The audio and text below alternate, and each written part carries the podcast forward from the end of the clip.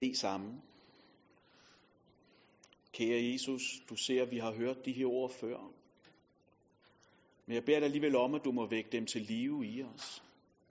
Så det ikke er noget, vi glemmer, tager for givet, eller mister forundringen over. Jesus, jeg beder dig sådan om, at du må komme nu og gøre det her levende, personligt, nødvendigt og nærværende for os. Amen.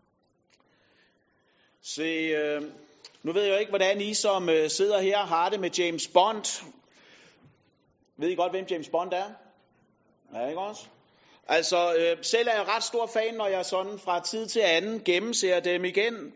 Og se, en af de faste indslag, som altid er med, når øh, James Bond han kæmper mod verdens ondskab, det er jo, at selvom han er verdens bedste agent efter Jason Bourne, sådan, ikke også? så bliver han jo altid taget til fange, og han er lige ved at blive slået ihjel af filmens skurk, inden han på en eller anden mirakuløs måde alligevel undslipper til sidst, og ender med at redde verden fra kaos og atomkrig og russer og undergang. Takket være hans snille, takket være nogle sjove gadgets, takket være en øh, ufattelig mængde held og underlige sådan, mentale nedbrud fra skurkens side. Men han bliver reddet. For hvis han dør, så er filmen ligesom slut, så er der ikke mere at komme efter. Og derfor så overlever han altid i sidste øjeblik mirakuløst. Og sådan er det ikke med Jesus. Det er derfor, vi fejrer langfredag. Det er derfor, vi er samlet til gudstjeneste den her aften. For i den tekst, som vi nu har læst, i den lidelsesberetning, som vi nu sammen har læst, der bliver han ikke reddet fra den overhængende far til sidst. Der slipper han ikke væk i sidste øjeblik, sådan at han kunne redde verden, for det er ikke sådan, det er skruet sammen. Tværtimod så læser vi om, hvordan Jesus han bliver taget til fange. Han bliver mishandlet, han bliver ydmyget. Og til sidst bliver han slået ihjel på den mest brutale og på den allermest bestialske måde, som verden har set. Fuldstændig Guds forladt og alene. For Jesus, han kunne ikke redde verden ved at undslippe i sidste øjeblik. Han kunne kun redde verden ved at dø. Kun ved at møde det Guds forladte mørke, kun ved at være inde i det Guds forladte mørke, kunne han frelse hver enkelt af os, der sidder her i aften. Fordi han langfredag for mange år siden tømte Guds vredes bære for dig til sidste dråbe.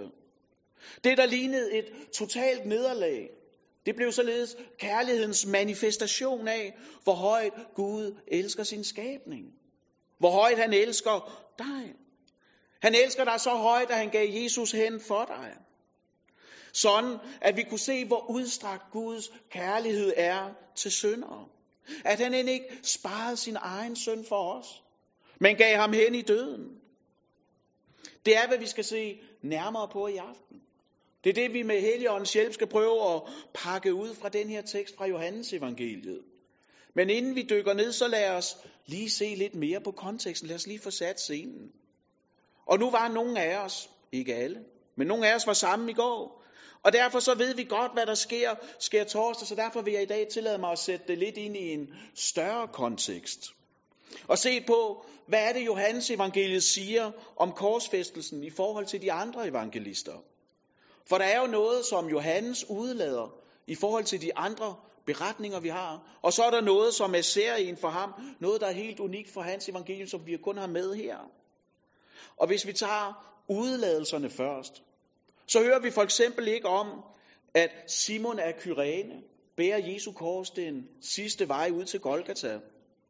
Det var det, vi stansede op ved sidste år. Og så på, at efter den mishandling, Jesus havde modtaget, der var han fysisk udmattet. Der var Jesus fysisk kommet til enden. Der var ikke flere kræfter. Hans krop var så svækket, var så mærket, at det han havde lidt, at han ikke længere kunne bære korset, og derfor gav han det til en anden. Men han beholdt din søn. Han gav aldrig din søn til andre, men beholdt den på sig selv. Og tog den med op på korset og døde med den og for den. Hos Johannes der er der heller ikke nogen dialog imellem Jesus og de røvere, han er korsfæstet med. Vi hører ikke om skarens hån, vi hører ikke om solformørkelse, vi hører ikke om det revnede tæppe i templet, det revnede forhæng. Eller de døde, som bliver levende, eller officerens erkendelse af, sandelig han er Guds søn. Alt det her, det har Johannes ikke med. Men omvendt, så er der også noget, som Johannes har med, vi ikke møder andre steder, hos de tre andre evangelister. Fordi det er kun her, at vi hører om, hvordan ypperste præsterne klager til Pilatus over hans indskrift over Jesu hoved. Vi finder også hos Johannes en, en ret detaljeret gennemgang af lodtrækningen over hans tøj, det vender vi tilbage til lidt senere. Og vi hører også om Jesu dialog med Johannes og Maria, hans mor, inden det hele kulminerer i hans råb, det er fuldbragt, som på græsk bare er et ord. Og endelig så læser vi jo her, at de knuste benene på de to andre, fordi de havde travlt, og de gerne måtte dø hurtigt, fordi der står i 5. Mosebog, at et lig, der hænger på et træ, det gør landet urent. Det vender vi også tilbage til. Så hvad er den store kontekst hos Johannes? Hvad er det, Johannes han vil med den her beretning? Jo, svaret det finder vi om i næste kapitel. Hvor Johannes han afslører motivet for, at han i det hele taget har skrevet sit evangelium. For det er jo skrevet med det formål at svare på, hvem er Jesus? For han vil jo, at vi skal være overbevist om, at Jesus er Guds søn, at han er Messias.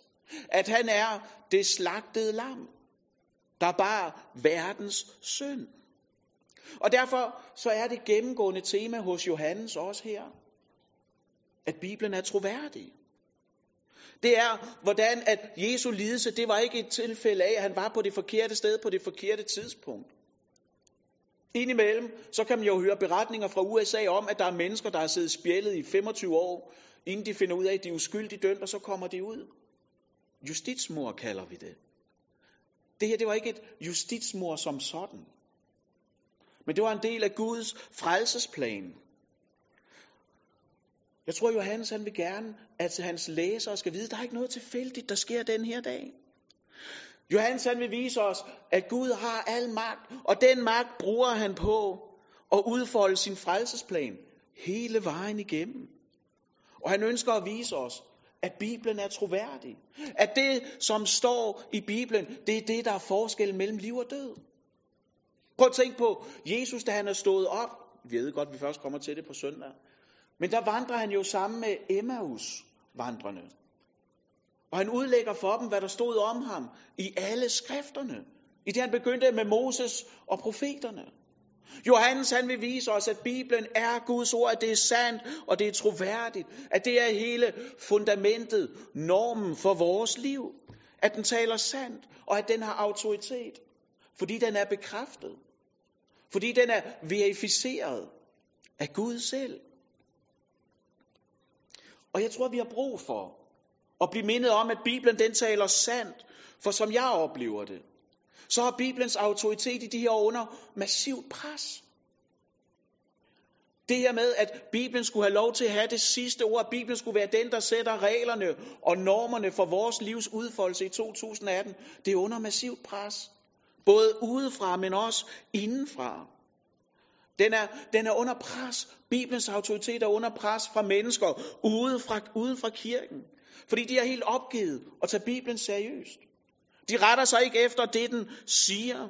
Og de gør alt, hvad de kan for løbende at afmontere alt det, som Bibelen kalder for helligt og for gudvillet. Men jeg tror også, at Bibelens troværdighed er under pres indenfra. Når der opstår en vis afstand imellem det, vi siger, og så det, vi gør. Så gør vi evangeliet utroværdigt så viser vi, at Bibelen alligevel ikke har den sidste autoritet over vores liv. For det hjælper jo ikke noget, at vi siger, at Bibelen er sand, men lever som om, at Jesus stadigvæk er død. Fordi vi ikke anerkender Guds ords autoritet ind i vores liv. Og derfor lader det være normen for al vores liv og lære.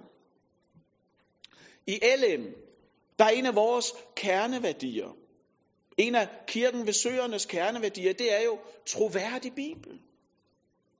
At vi ønsker, at Bibelens ord skal have den sidste autoritet ind i vores liv. Og derfor så vil vi gøre, hvad vi kan, for at der ikke er nogen afstand imellem det, vi siger, og så det, vi gør. Prøv at tænke, da Jesus han afslutter bjergprædikenen. Der fortæller han lignelsen om de to huse. Det ene bliver bygget på sand, det andet bliver bygget på klippen. Jesus siger jo, den, der hører disse ord og handler efter dem, skal ligne, om man så enten bygger på sand eller på klippe. Der må ikke være nogen afstand imellem det, vi bekender, og så det, vi gør. Fordi hvis vi i praksis ikke anerkender Bibelens autoritet, hvis vi ikke tror på, at den rummer og vil lede os til det bedst mulige gudvillede liv, så afviger, jo, afviger vi jo fra, hvad den siger. Fordi vi synes, dens normer og regler, de er for stramme, eller de er for umoderne, eller de er for ukærlige. Eller vi synes, den afholder os fra det gode liv, hvor vores nysgerrighed ikke bliver stillet i fornødent omfang. For det er som om, at noget af det, der er svært i dag, det er at give afkald. Det er at sige, der er noget, jeg aldrig får prøvet, der er noget, jeg aldrig får oplevet, der er noget, jeg aldrig får del i. Fordi jeg regner det som et tab, fordi det er vigtigere for mig at have Kristus. Det er blevet svært for os at give afkald. Det er blevet svært for os at lade Bibelen være autoriteten. Og derfor så kommer der nogle gange en kløft imellem det, vi siger og det, vi gør. Og derfor vil jeg så gerne i aften understrege det så stærkt, som jeg kan med Johannes her. Guds ord holder. Det er sandt, og det er troværdigt. Bibelen viser os både, hvem Gud er, men det viser os jo også, hvem vi er. Sat på kort formel, så har Guds ord altid ret. Både når den taler om vores gudbilledelighed, om vores værdi, men også når den taler om vores fordærv, når den taler om vores synd. For der er ikke nogen områder i vores liv, hvor vi kan klare os uden Jesus. Der er ikke nogen områder af os, der er ubesmittet af syndefaldet. Der er ikke en eller anden ubesmittet god kerne af humanisme tilbage i os. Det er jo ikke det samme som at sige, at vi ikke kan gøre godt. Det kan vi godt. Men i grundsubstansen, der har syndefaldet gennemtrængt os og gennemvedet os. Vi er helt gennemsyret af den, og derfor har vi brug for Jesus. Der er ikke noget i os, som er upåvirket. Og det var derfor, at Jesus han kom for at dø. For at vi skulle frelses. For at vi skulle kunne finde tilgivelse hos Gud. For at vise os, at Gud taler sandt, selv når løgnen råber ind i mit liv. At vi kan klare os uden Gud. For at høre, det kan vi ikke. Vi kan ikke klare os uden Gud. Lige inden at Jesus han døde, der sagde han det meget tydeligt og umisforståeligt. At det vi som kristne skal frygte allermest, det er ikke martyrdøden. Vi skal ikke frygte det, som andre mennesker kan gøre mod os eller tage fra os. Men det, som vi skal frygte, det er ham, der efter døden har magten til at kaste os i fortabelsen. Det er ham, vi skal frygte. Og årsagen til det, det er jo, at vi er syndere. For der er ingen, der overlever mødet med Guds vrede i sig selv. Det vil jo svare til, at man skulle prøve at stoppe en tsunami med en præsending. Og det er jo udsigtsløst. Og prøv at høre, det som Jesus han gennemlever langfredag, det bliver jo din virkelighed, hvis Jesus ikke er i dit liv. Det bliver din virkelighed. Det Jesus, han gennemlevede, inden han døde, er det langfredag. Det bliver din evighed. Hvis du ikke har frelsende tro på Jesus. For det er kun, når du er i Kristus, at der ikke er nogen fordømmelse. Alle andre mennesker, end dem, som er i Kristus, de vil på den yderste dag opleve fordømmelsen med fuld styrke i al sin gru. Og uden nogen form for barmhjertighed. Der er ingen barmhjertighed, når Jesus kommer igen. Og derfor er det, Johannes han skriver sit evangelium, for at vi skal tro. Sådan at vi kan se, at Jesus han ikke døde for gaves, men han døde for mig. At han gav sit liv for mig, for at jeg kunne leve evigt sammen med Gud. Og det, der er påskens evangelium, det er jo, at Jesu død var nok. Jesus han betalte prisen for dig, og der er ikke nogen restgæld tilbage i dig. Og det betyder, at vores virkelighed nu, det er jo løftet om den nye himmel og den nye jord, og det er lige så sikkert som løftet til Abraham. Om at han skulle blive talrig. For vores Gud holder ord. Det som han siger, det vil ske. Og det betyder jo, at hvis du tager din tilflugt til Jesus, hvis du kommer til korset, hvis du kommer til ham med din synd, så står han der med navlemærket, åbne arme og tager imod dig og siger velkommen hjem. Din tro har frelst dig. Ikke at din tro vil frelse dig, men den har frelst dig nu. Fordi jeg døde for dig. For ham, der død på korset lidt uden for Jerusalem, er kongen. Den retmæssige ejer, der kom til sin ejendom, til sine egne, og oplevede, at de tog ikke imod ham. De overså Jesus, for der var ikke plads til ham i deres liv. Fordi de var så fyldt af deres eget. Da Jesus han var barn, så blev han tilbedt af de vise mænd. For de vidste, at han var kongen. Da Jesus red ind i byen Palme søndag, der blev han tiljublet som konge. Og over for Pilatus, der taler Jesus om sit rige. Og derfor slog de ham ihjel. For at sige, at han var kongen. Det var det samme som at sige, at det var Cæsar, ikke? Og derfor slog de ham ihjel. Normalt, når man skulle henrette en dødsdømt på det her tidspunkt ved korsfæstelse, så gik man jo aldrig den korteste vej ud til henrettelsesstedet. Tværtimod så tog man tit den længste omvej, både for at trække pinen ud, og for at alle andre skulle se, at modstand er frugtesløst. Det her, det er, hvad der sker med oprørere. Hvis du, hvis du gør oprør, hvis du tænker på at gøre oprør mod Rom, så ender det sådan her.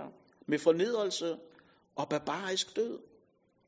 Og da de så når frem til Golgata, så bliver Jesus korsfæstet, udspændt i arme og ben, i voldsomme smerter. Og man skulle jo tro, at det ville konsumere al hans opmærksomhed. Jeg ved ikke, om I øh, kender I til det med at have tandpine. Kender I til det her med, at man kan have så ondt i sine tænder, typisk fredag eftermiddag, lige når tandlægen har lukket sådan, ikke også? Det havde jeg for nogle år siden, og det var så slemt, at selv Anne-Marie fik med lidenhed med mig til sidst, sådan, ikke også? Og gav mig nogle piller. Og så ved man godt, så har det været alvorligt, ikke også? Så har det været en nærdødsoplevelse, jeg var igennem næsten, ikke også? Og det kan godt være, at I ikke har haft tandpine, men måske har haft noget andet, der gør ondt, og måske ved I fra jer selv, at når noget gør rigtig, rigtig ondt, så er det det eneste, der fylder, der ikke rigtig plads til andet i ens bevidsthed. For det gør bare så jammerligt ondt. Og uanset hvor ondt vi har haft, uanset hvor mange piller vi har fået for den her smerte sådan, så har vi jo ikke gennemlevet en brøkdel af det, som Jesus han gør her. Og det, der har slået mig med forundring til i dag, det er jo, at selvom Jesus hang og var ved at dø på en af de mest barbariske måder, så har smerten ikke fyldt alt. Men han elsker til det sidste. Fordi hans kærlighed var jo ikke afløst af en eller anden bitterhed på korset, og overvejelse om, om det her nu alligevel var det hele værd.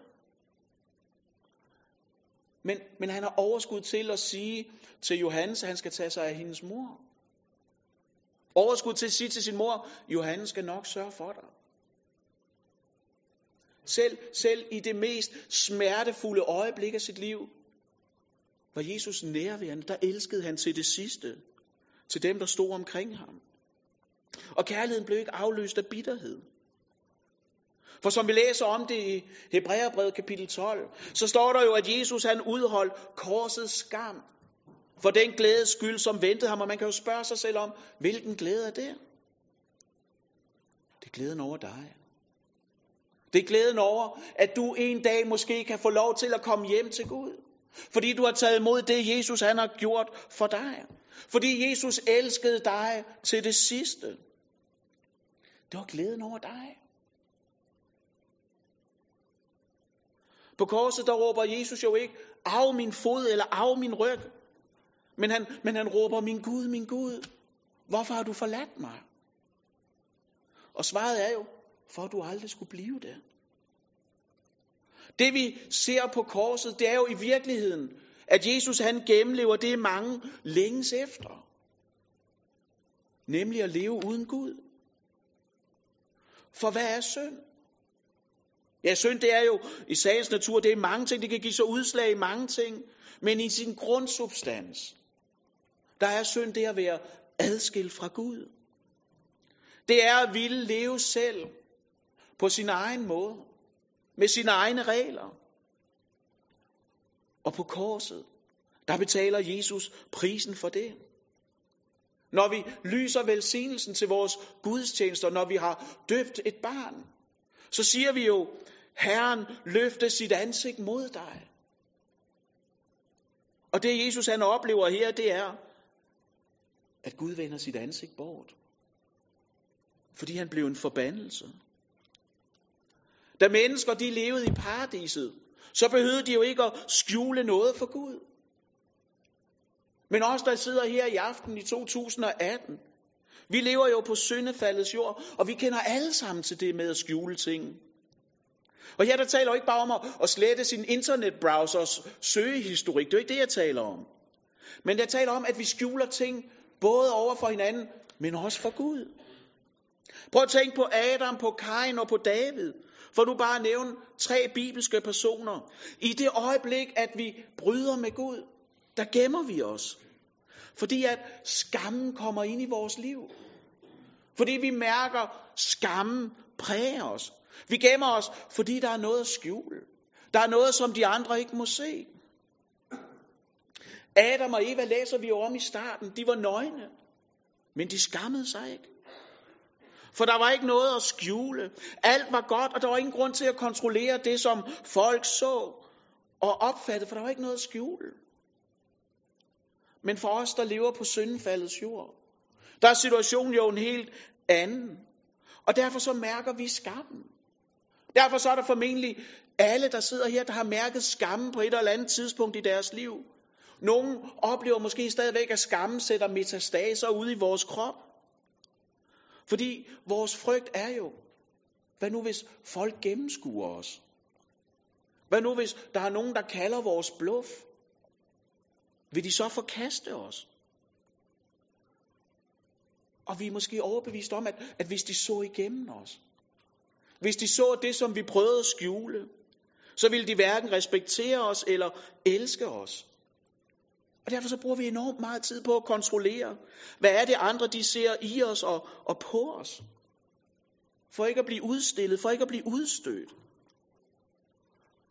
Og altså, der er jo ikke nogen af os, der er nøgne i aften, og tak for det, sådan tænker jeg, ikke også? Fordi med tøj, der kan vi jo kontrollere, hvad folk de ser. Uden tøj. Uden maske, uden forklædning. Der kan folk se os, som vi er. Der er ikke noget, man frygter mere, tror jeg. Der er ikke noget, der kan gøre os mere bange. Bortset fra at blive gennemskuet også i sjælen. At være nøgen og være forsvarsløs, det tror jeg er en af vores grundangste. Og så kommer Jesus her og viser os, jeg har gennemskuet dig. Jeg har set helt ind i selv de mørkeste dele af dit hjerte og din sjæl. Han så helt ned i den dybeste afkrog, ned i det mest beskidte og uhumske sted i din sjæl, i dit hjerte. Og Jesus siger, jeg elsker dig stadigvæk. Og teksten fortæller os jo også her, at Jesus han blev strippet, for at du kunne få alt. Han blev nøgen, for at du kunne blive klædt på.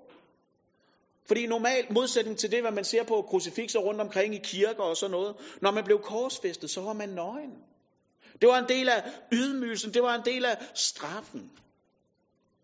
Fordi når du var nøgen, så var du forsvarsløst, sårbar og skamfuld over for dem, der gik forbi. Og prøv så at huske, da Jesus han går ind i synagogen for lang tid siden, da han begynder sin tjeneste, der læser han jo fra Esajas 51, og i vers 10, der står der sådan her i Esajas 61, 10. Jeg fryder mig over Herren. Min sjæl jubler over min Gud. Står der i det kapitel, som Jesus læser op af, da han begynder sin tjeneste, og man kan spørge, hvorfor? Jo, siger der Esajas. For han har klædt mig i frelsens klæder, og hyldet mig i retfærdighedens kappe. Og det betyder, at langfredag, der blev Jesus nøgen for, at du kan blive klædt på.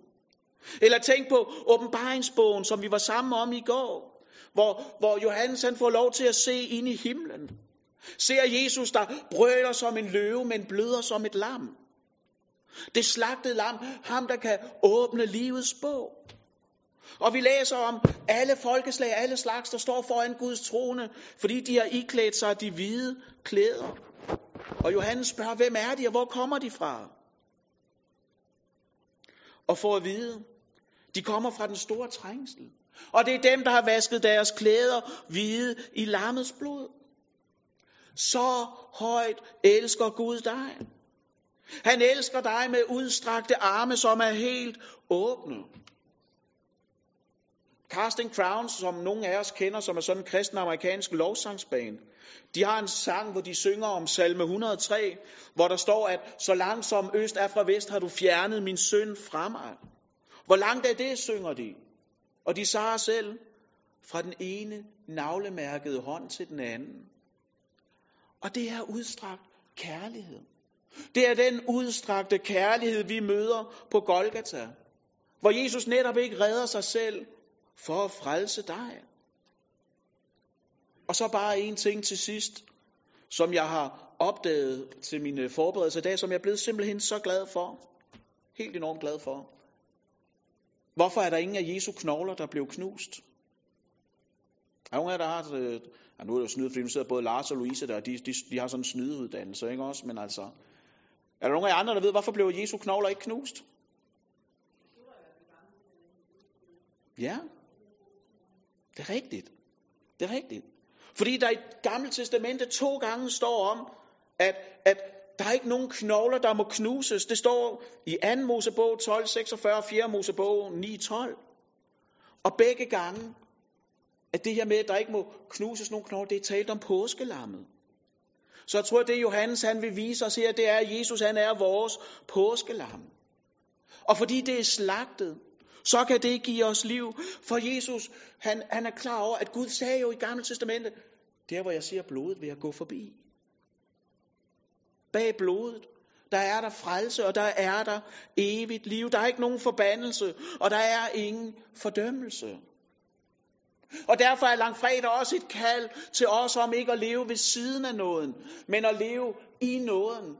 Og være omsluttet af nåden på alle sider i vores liv. Og lade nåden få lov til at gennemtrænge vores liv, så der ikke er nogen reserverede områder, men hvor det kan få lov til at gennemvede os helt.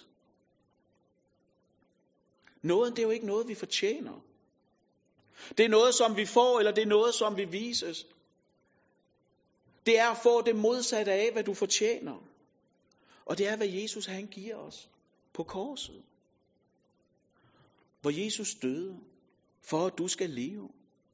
Hvor han blev straffet for, at vi kunne få fred. Hvor han blev nøgen for, at vi kan blive hyldet i frelsens klæder og retfærdighedens kappe. På korset, der blev Jesus ophøjet og vandet. På korset, der er det, at Guds hellighed og Guds kærlighed, de støder sammen. Og han gjorde det for dig. Han gjorde det for dig. For at du skal leve. For at du skal vide, at bag blodet, der er der liv. Jesus, han er vores påskelam. Og fordi han er det, så er han også troens banebryder og fuldender ind i vores liv. Lad os bede sammen. Jesus, vi beder dig sådan om, at du må komme og stille dig foran hver enkelt af os, så vi ikke kan komme udenom dig. Jesus, tak fordi, at du blev slagtet for vores skyld. Tak fordi, at i dig er der ingen fordømmelse. Bag blodet, bag dit blod, der er der liv her. Og jeg beder dig sådan om, at det blod, det må dække os helt. Så der ikke er nogen sorte pletter i vores liv men at du har renset vores hjerte helt. Amen. Vi vil øh,